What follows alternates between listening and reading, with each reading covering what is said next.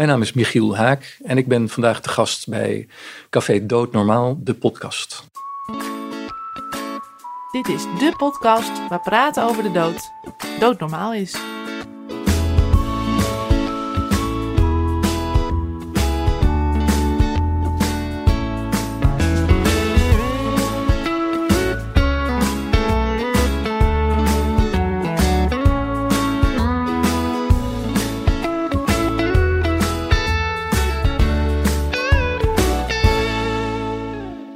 Vanuit het centrum van druk Amsterdam heet ik je welkom bij weer een nieuwe aflevering van Café Doodnormaal, de podcast.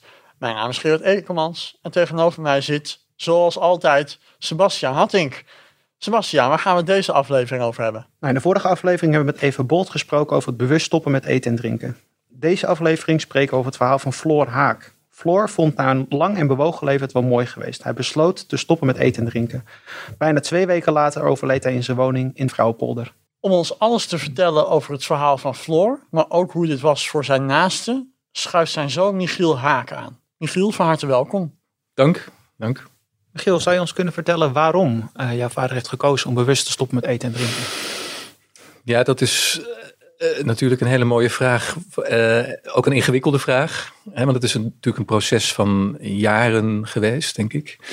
Mijn vader was altijd al uh, ja, had hij de levensfilosofie dat je zelf moest kunnen beschikken over uh, ja, leven en dood. Hè. Dus hij was ook lid van de Vereniging voor, Euthanasie. En hij, dat, daar dacht hij heel erg uh, vrij over. Hè. De dood hoorde bij het leven. En dat, daar moest je niet al te moeilijk over doen.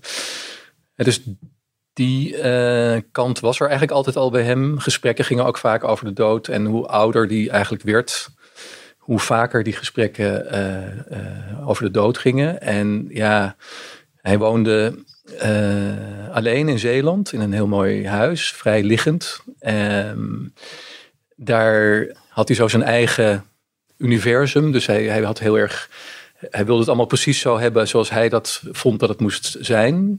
De handdoeken moesten zo. Het was een beetje bijna autistisch, maar in zijn, ja, het had ook een zekere esthetiek zoals hij alles had ingericht. En dat ja, hij kreeg het eigenlijk steeds minder goed voor elkaar om uh, die wereld zo te houden. Want uh, ja, zijn fysiek ging achteruit. Uh, hij had behoorlijk steeds meer pijn eigenlijk aan zijn heup. En hij wilde geen nieuwe heup. Dat was ook zijn levensfilosofie, de geneeskunde. Ja, hij vond dat dat een, een, een heilloze strijd tegen de dood eigenlijk. Dus hij vond dat je de natuur eigenlijk zoveel zijn, wer zijn werk moest laten doen. En ja, dus het ging steeds moeizamer. Hij was heel creatief om, om nog heel lang het vol te houden. Door allerlei oplossingen te vinden. Om, ja, als hij niet, de trap niet goed meer op kon, dan had hij wel een methode om het toch nog de trap op te kunnen. En hij had uh, allemaal constructies om dingen weer naar boven te hijsen. En zo wist hij zijn hele universum nog heel lang in stand te houden. Maar ja, het, het stond eigenlijk op barsten. En hij moest steeds meer hulp eigenlijk uh, accepteren. En dat vond hij moeilijk. Dus mijn broer die begon op een gegeven moment uh, boodschappen voor hem te doen. En dat was eigenlijk al, dat vond hij eigenlijk al, dat hij dat, uh, dat vond hij eigenlijk al vervelend. Uh, dus die gesprekken die over de dood kwamen steeds vaker terug. En hij wist alleen niet hoe hij dat moest aanpakken. Hij had natuurlijk ook met zijn huisarts er wel over gehad, over euthanasie.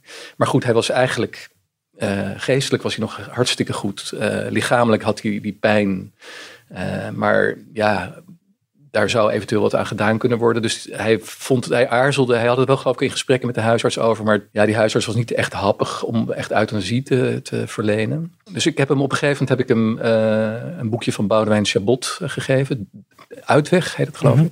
ik. Ik zei, ja, ga dat maar eens lezen, want we, hebben, we praten er maar over, maar we komen eigenlijk, hè, het, het, het, het blijft daarin hangen.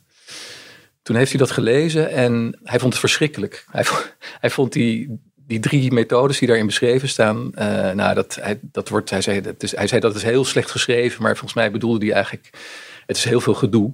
En het is heel goed beschreven, want het staat, staat heel gedetailleerd wat je allemaal te wachten staat. Dus hij zag dat eigenlijk al die drie methodes, hè, dus ook stop met eten en drinken wordt daar beschreven.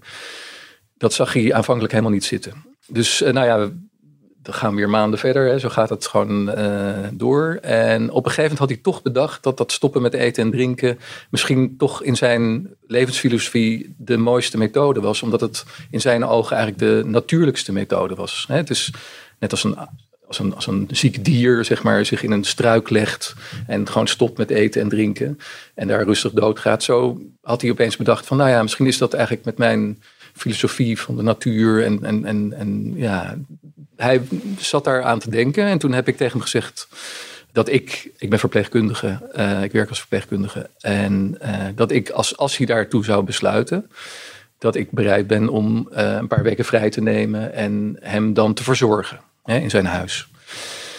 Nou ja, dat uh, nam hij voor kennisgeving aan aanvankelijk. En toen hadden we nog een keer een bijeenkomst met de familie. En toen kwam hij nog naar mij toe en hij zei, meen je dat echt? En ik zei, ja, nee, dat, dat, dat, uh, dat is vanzelfsprekend bijna. Hè? Dus zal ik dat doen.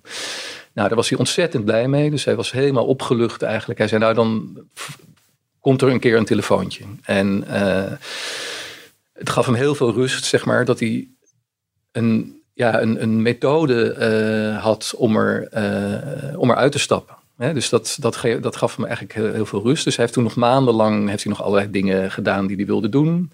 En toen op een gegeven moment in februari, het was 2019, belde hij van ja, het is zover. En uh, ik ga het doen. En ja, toen zijn we begonnen eigenlijk met de, met de voorbereidingen. En ehm, ja, zo, zo is het eigenlijk een beetje tot stand gekomen. Want hoe zag dat traject er dan uit? Want dan heeft hij die keuze gemaakt, ik wil stoppen met eten en drinken. Ja. Die methode wil ik gaan gebruiken. Ja. Hoe ziet dat er dan uit? Nou, ik, ik, ben nog eens een keer heel goed gaan lezen wat er allemaal stond in het boekje van Boudewijn Chabot. En daar staat echt uh, het heel goed beschreven. En wat voor ons, ik, ik heb een, um, ja, ik, ik had er dus een beetje in verdiept. Hè. Dus ik heb een verpleeghuisbed besteld. Hè. Dat kan je gewoon bij, de, uh, bij zo'n bij zo'n uh, thuiszorgwinkel. Zo'n thuiszorgwinkel, precies. Hè. Daar bestel je een verpleeghuisbed, een, een goed matras, hè, waar je dus geen doorlichtwonden op krijgt.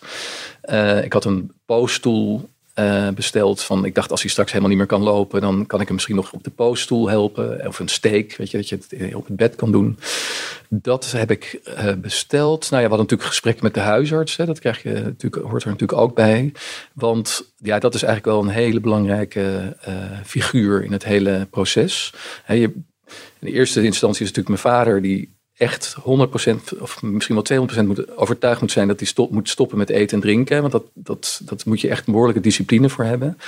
Maar de huisarts is heel belangrijk, omdat uh, die voor de pijnstilling moet zorgen. En voor eventueel als iemand wat uh, kan gebeuren, hè, zodat iemand delirant wordt of in de war raakt.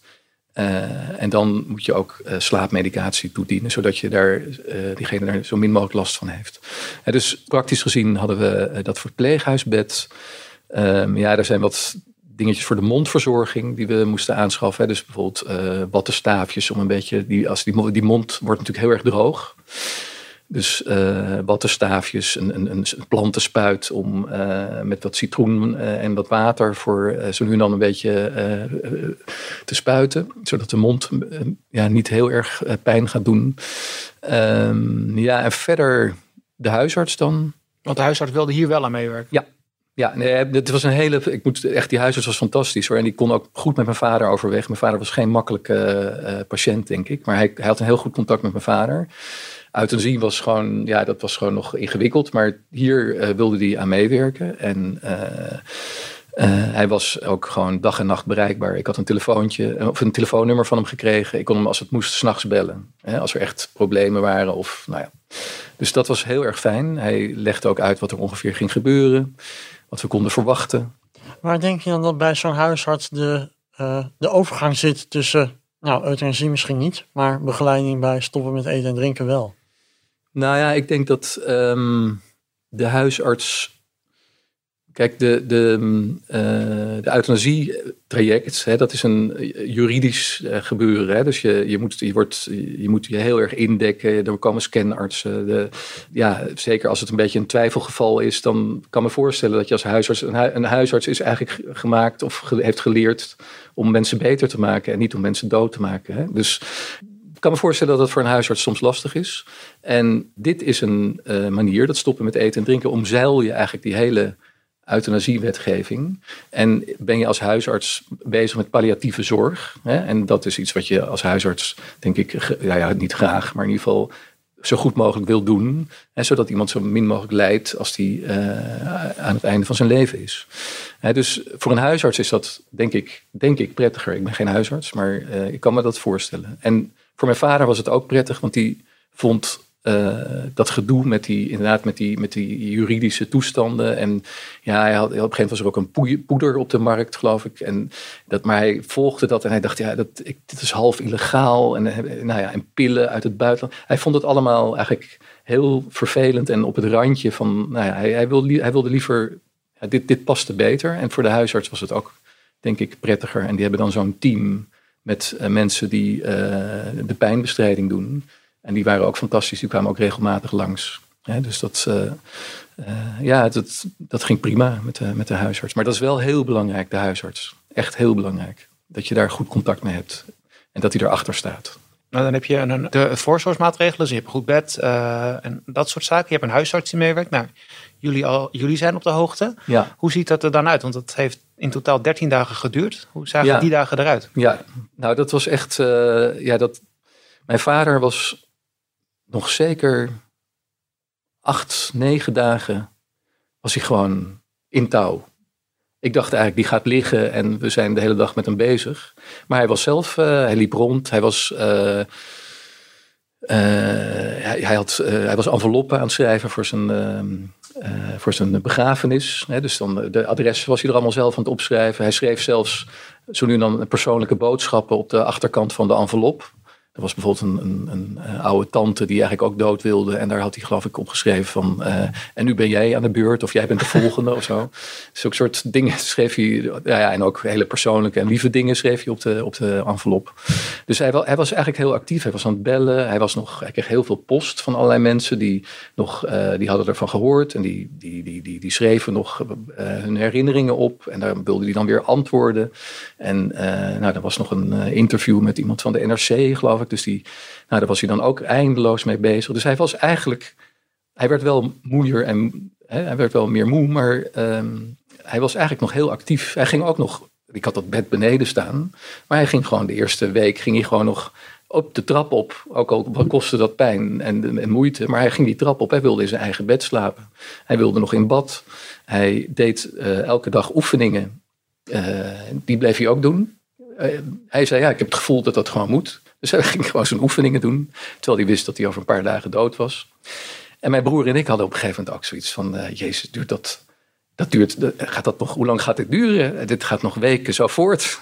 En hij had, eh nou dat eten, dat, dat, ehm, daar had hij eigenlijk helemaal geen problemen mee om niet te eten.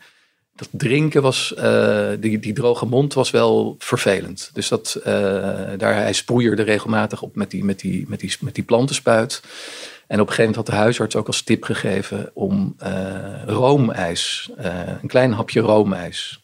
Dus eh, dat is vettig en dan, dat helpt ook, dat verlicht de pijn in de mond. En nou, daar genoot hij enorm van. Dus dan kreeg hij een hapje roomijs zo nu en dan. En Maar wat een hij hapje ook, is dan een theelepeltje? of- ja, een theelepeltje. Oké, ja. ja. Ja. mijn broer en ik hadden op een gegeven moment, die dachten, dit gaat zo lang duren. We moeten niet te veel van die, eh, van die rommel geven, want straks eh, zit hij hier over maanden nog. Maar hij, eh, wat hij ook altijd nog deed was, ehm, hij had altijd om zes uur of om vijf uur nam hij altijd een borrel. En dat gebeurde nu ook met, met een wattenstaafje. Dus hij had een jenevertje en dan doopte hij het wattenstaafje erin. En dat ging hij zo zijn mond bevochtigen met, eerst met jenever en daarna met witte wijn. Dus dat was dan ook een soort genotsmoment even. En nou ja, verder ja, hij, hij, sliep regelmatig even in zijn stoel en hij werd natuurlijk duidelijk zwakker. En hij wordt steeds, eh, je ziet hem steeds natuurlijk verder eh ineens schrompelen. Maar goed, dat was allemaal eigenlijk in het, ja, dat hoorde eigenlijk. Dat, dat, was in het, in, het- dat klopte in het proces. Hè. Dus je, je keek de mensen die er soms foto's dan van mijn vader zagen als, als in, op, op dat moment, of die, die, die de film hebben gezien, die zeggen wat een, hè, wat, wat, een, wat een naar gezicht. Maar eigenlijk voor ons, wij letten er, ja, dat was gewoon eigenlijk vanzelfsprekend dat dat zo zou gaan. En eh, ja, daar, dat vonden wij eigenlijk niet naar. Nee, want, want je zegt eigenlijk bereid je je voor op het gaat binnen enkele dagen misschien wel gebeuren. Dat, dat, Ja. dat zei je niet, maar je zei in ieder geval je had verwacht dat er sneller zorg nodig zou ja, zijn. ja. Maar dat blijft dan uit de eerste paar dagen. Eerste Hoe- hoe is week, zeg maar. Ja. Nou ja, het was heel gezellig. Eigenlijk, Oh. eh, mijn vader was in een uitermate goede stemming. Die, die, hij, had, hij had ook gezegd van, als ik op mijn kaart mag je zeggen tevreden overleden. Maar als het, een, eh, als het goed gaat, dan mag je ook zeggen heel tevreden overleden. En op een gegeven moment zegt, nou, doe dat maar heel tevreden. Want hij, was, hij genoot van de, van, de, van, de, van de natuur om hem heen en van alle aandacht die hij kreeg. Dat is natuurlijk ook altijd fijn. En eh, ja, hij was het echt mooi aan het afronden eigenlijk. Dus dat, eh, hij was vrolijk. En het was ook voor mijn, mijn broer kwam dus ook in huis. Hè. Dus mijn, eh, mijn broer die heeft het hele, hele proces gefilmd. Eigenlijk was alleen de eerste bedoeling dat ik mijn vader zou verzorgen. En mijn broer die woonde daar vlakbij. Dat hij regelmatig langs zou komen. Maar achteraf gezien eh, was het eigenlijk heel goed dat mijn, vader, met mijn broer er ook bij kwam. Dus we waren met z'n drieën eh, ja, bij elkaar eigenlijk. eh, zoals het gezin ja, na de dood van mijn moeder dan was. En dat was iets heel intiems en iets heel moois eigenlijk. De, soms was het ook emotioneel en soms was het vrolijk. En soms waren, zaten we gewoon rustig in stilte een beetje naar de, naar de vogels te luisteren. Het was een hele bijzondere, mooie week, anderhalve week. En eh, ja, mijn vader genoot met, met volle teugen. En die, die was helemaal, hij was ook echt zo overtuigd dat dit gewoon zo moest. Dat helpt natuurlijk ook. Hè, want dat gebeurt ook vaak, dat heb ik ook wel gelezen, dat mensen het toch niet voor elkaar krijgen en dan eh, ja, toch willen eten of drinken. En zo. Maar dat, dat heeft eigenlijk niet gespeeld. Nee, nee. Dus ja, het was een hele bijzondere periode. Het was ook nog heel mooi weer. Het was februari, maar het was echt prachtig weer. Dus mijn vader had ook de deuren opengezet. Mijn vader, op een gegeven moment is hij dus naar beneden gegaan in het verpleeghuisbed gaan liggen. En dat hadden we zo neergezet dat, je, eh, dat de deuren open kon, dat hij gewoon in de zon kon liggen. Dus daar genoot hij ook enorm van. Ja, dat heb je hier ook als foto liggen. Ja, Ja. Dat kunnen de luisteraars natuurlijk niet zien, maar het ziet er ook heel ontspannen uit. Jullie zitten Ja. buiten en je vader ligt in de open deur. Precies, ik heb, ik heb een foto meegenomen, omdat ik vond, vind dat deze foto eigenlijk mooi uitdrukt hoe de, hoe de sfeer eigenlijk was. En dan zie je inderdaad mijn vader, de achterkant van zijn huis, de, deur, de, achter, de klapdeur is dan open. En daar ligt hij eh, rustig in zijn bed. En mijn broer en ik liggen, zitten buiten of staan buiten in de zon.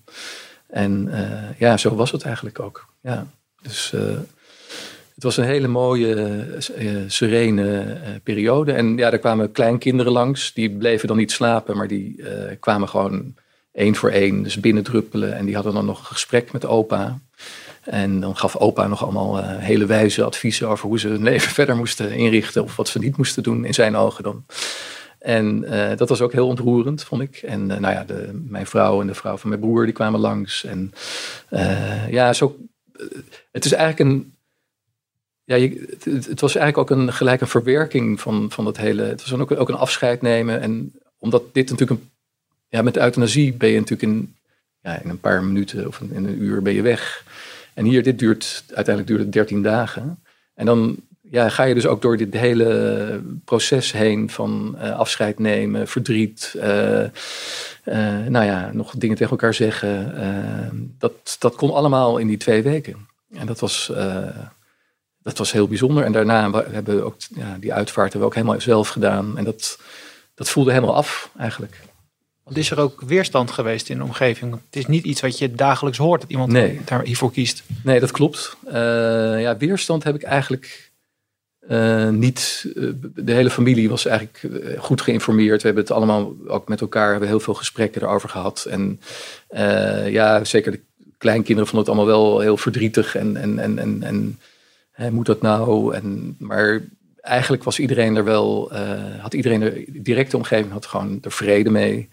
Ehm, het is wel ja, ik hoorde wel inderdaad van de huisarts en van eh, mensen van het wijkteam die, die eh, pijnstilling kwamen geven van dat ze dit nog nooit hadden gezien.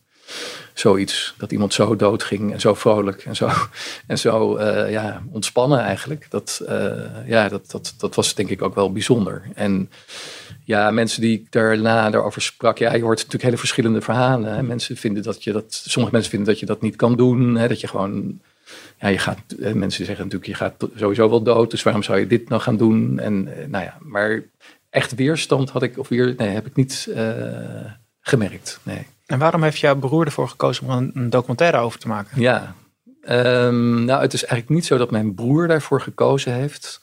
Ehm, op een gegeven moment kwam mijn vader eigenlijk op het idee om. ehm, hij zegt: Ja, waarom. Mijn broer is filmer en fotograaf. En eh, ja, mijn vader zei: Waarom film je het eigenlijk niet? Want hij had het idee dat hij. eh, iets ging doen wat inderdaad voor veel, veel mensen hebben daar vooroordelen over. Hè. Stoppen met eten en drinken, dat is iets verschrikkelijks pijnlijks. Of je hoort er echt, oh, dat is moeilijk. Oh, dat is, nou ja, hoe kan je dat doen? En hij wilde eigenlijk, hij hoopte, want hij wist natuurlijk ook niet wat er ging gebeuren. Hij hoopte eigenlijk daarmee te laten zien aan mensen die daarover nadenken. Van, nou, zo gaat dat dus. En eh, zo kan het dus. En zo mooi kan het zijn, hoopte hij dan. Hè? Want dat, dat wist hij natuurlijk niet. Dus hij ehm, heeft aan mijn broer gevraagd, en ook aan mij natuurlijk, want ik zou hem verzorgen, of dat een idee was. Nou, mijn broer die wilde dat eigenlijk wel doen. Ik zelf had wel eh, mijn bedenkingen, omdat ik, ja, ik, ik had zelf, ja, ik dacht dat is iets heel intiems, hè, wat je aan het doen bent. Eh, je vader verzorgen, eh, die doodgaat. Ehm, moet dat nou gefilmd worden? Moeten we dat nou aan iedereen laten zien? Ik had daar wel mijn bedenkingen bij. En eh, toen hebben we afgesproken dat mijn broer het gewoon zou gaan doen. En er zou voor zou zorgen dat ik daar weinig van zou merken. En dat heeft hij ook heel netjes gedaan door de camera gewoon ergens stil neer te zetten. En ondertussen was hij zelf ook bezig. En dan verzette hij de camera weer eens. Dus we hadden eigenlijk, ik had het eigenlijk niet in de gaten dat hij opnames aan het maken was. En hij had natuurlijk, weet ik hoeveel uren aan, eh, aan materiaal. En daar heeft hij toen uiteindelijk een eh, eh, ja, montage van gemaakt. En die heeft hij mij laten zien. En toen was ik overtuigd dat het gewoon heel integer en mooi ge- gedaan was. En, ja, en toen heeft hij dat dus verder eh, gekeken of er, of er belangstelling voor is, of voor die documentaire.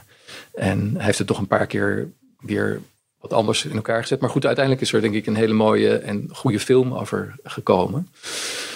Eh, maar goed, het was dus het idee, het idee van mijn vader echt als een soort, ja, eh, ja ook soort st- statement of inform, ja, informa- informatief is het meer. Mijn vader was ook wel een beetje, had ook wel wat exhibitionistisch en hij was ook wel een beetje een rebel, zoals hij zelf zei. Dus hij wilde ook eens laten zien van, hè, eh, ja, dit moet je dus doen om, eh, om dood te gaan. Hè? Terwijl, eh, dat kan natuurlijk ook op andere manieren, maar goed, hij, hij ja, een soort statement wilde hij er ook wel mee maken. Ja, dat, dat zit er zeker ook achter.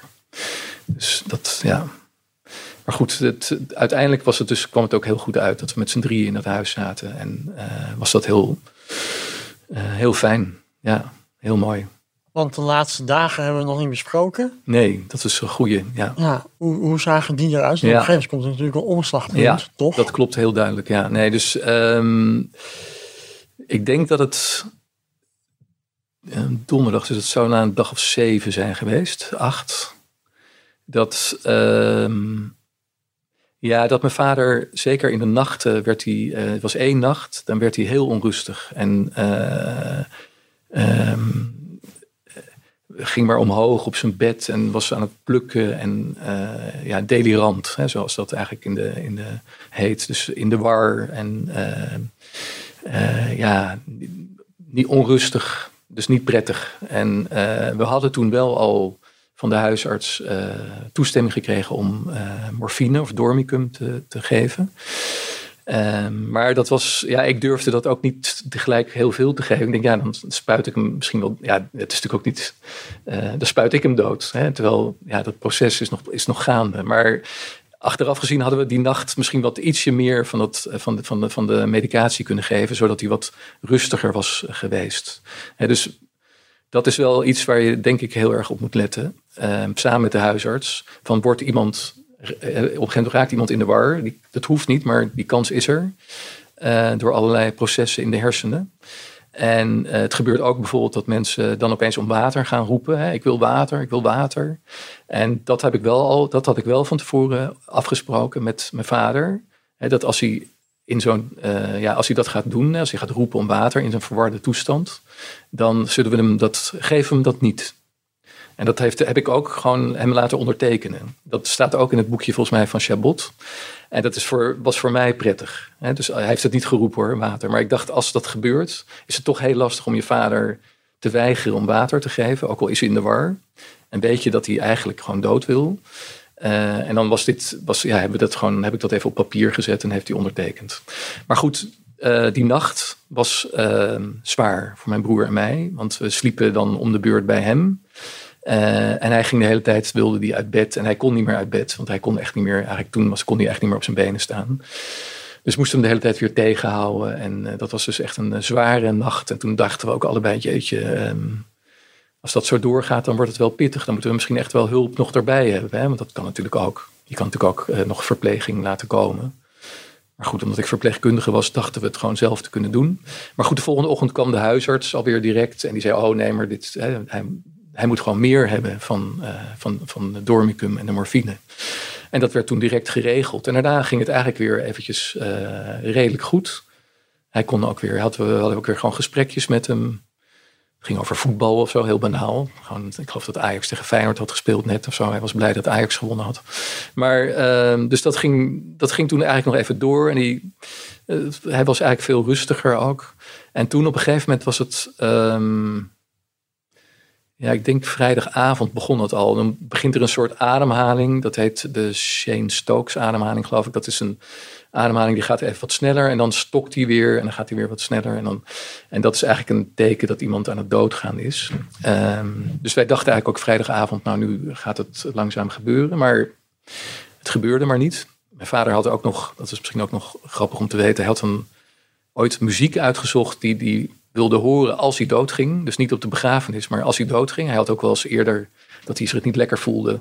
En dat hij op bed is gaan liggen en die muziek is gaan draaien. Want hij dacht, nou, dit, dit was het. Maar dan werd hij toch weer wakker, gewoon in zijn huis. Maar nu, wij moesten dus ook die muziek de hele tijd draaien. We werden gek van, verschrikkelijk muziek. Maar uh, ja, we wilden natuurlijk toch zijn wens in uh, vervulling laten gaan. Dus we de hele tijd maar die muziek draaien. En, maar hij ging niet dood. Dus bleef maar doorademen. Dus die hele zaterdag, of die hele, van vrijdag op zaterdag is hij, ja, bleef hij leven toen. En toen zaterdag, uh, toen zaten we inmiddels met de hele familie. Dus met alle kleinkinderen, de vrouw en mijn broer en ik. Zaten we rond dat bed. Ja, we hebben daar nog gezellig uh, gezongen. En zo nu dan, je gaat door allerlei emoties.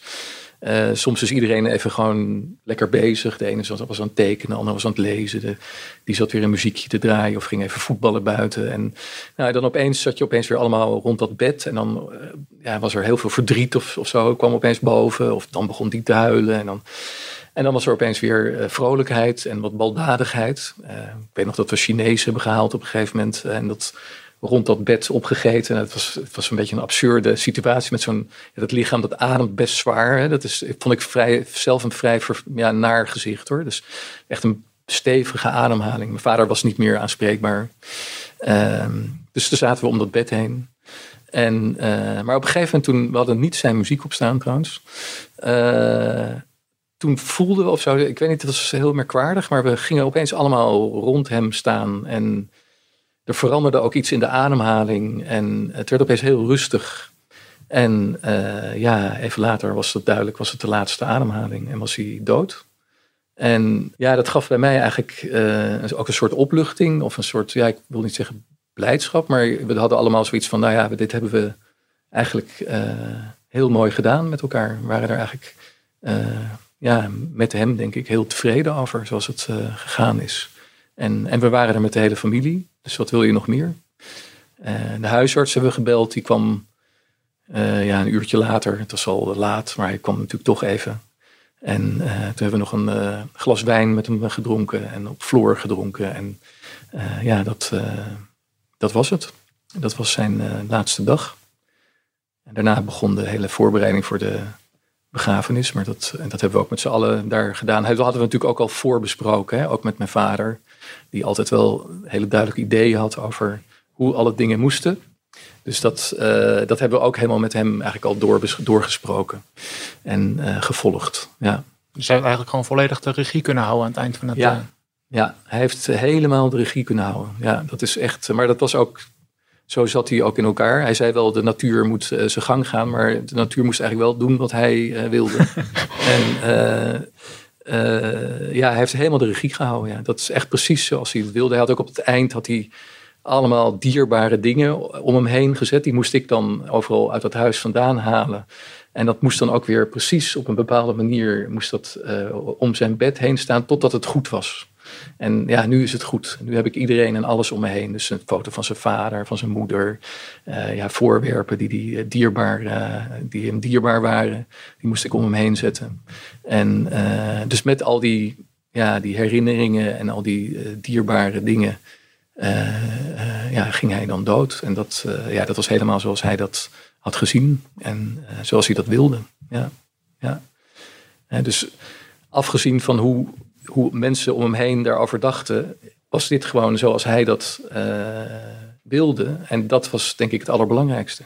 Uh, voor mij ook. Ik bedoel, ik weet niet of ik het, of ik het zelf zo zou doen, maar uh, het was heel mooi om, en ik ben hem, ja, het was heel mooi om hem zo dienstbaar te kunnen zijn bij die laatste weken. En ik ben hem eigenlijk ook dankbaar dat dit zo kon. Hè? Want ja, dit, dit was zo uh, prettig eigenlijk uh, om afscheid te nemen. Dat uh, gun je eigenlijk, ja dat, nou ja, dat gun je iedereen. Ja, ja, dat kan ik wel zeggen. Ja. ja. En dat is natuurlijk het verschil ten opzichte van euthanasie, dat er dan nog weer een heel juridisch traject start. Je zei het zelf al even, waarbij een schouwarts en, en alles erbij komt kijken. Maar bij jullie was dat niet zo. Nee, gewoon... nee klopt. Nee, de huisarts kwam, die constateerde de dood. En uh, dat was het. En wij gingen gewoon, uh, ja, wij konden verder gaan met, uh, met, met de uitvaart en alles te regelen. Ja. Dankjewel voor je komst naar de studio. Dank, dank. En wellicht tot de volgende keer. Dit was het weer voor deze aflevering van Café Doodnormaal, de podcast. Volgende week zaterdag staat er weer een nieuwe aflevering voor je klaar in jouw favoriete podcast app. Voor nu bedankt voor het luisteren en wil je nog geen aflevering missen, vergeet dan niet te abonneren. Dan krijg je automatische melding als er een nieuwe aflevering voor je klaar staat. Vond je het nou interessant om deze podcast te luisteren? Laat dan vooral een beoordeling achter. We krijgen veel de vraag waar de beoordeling achtergelaten kan worden. Dat kun je het beste doen via Apple Podcast, maar mag natuurlijk ook via de e-mail. Mocht je nou andere vragen hebben of opmerkingen naar aanleiding van deze podcast kun je altijd mailen naar jongeren.nvve.nl. En hier mogen dus ook uiteraard de beoordelingen naar gemaild worden. Als laatste willen we nog de NVVE bedanken voor het mede mogelijk maken van deze podcast. En zeggen we graag tot volgende aflevering.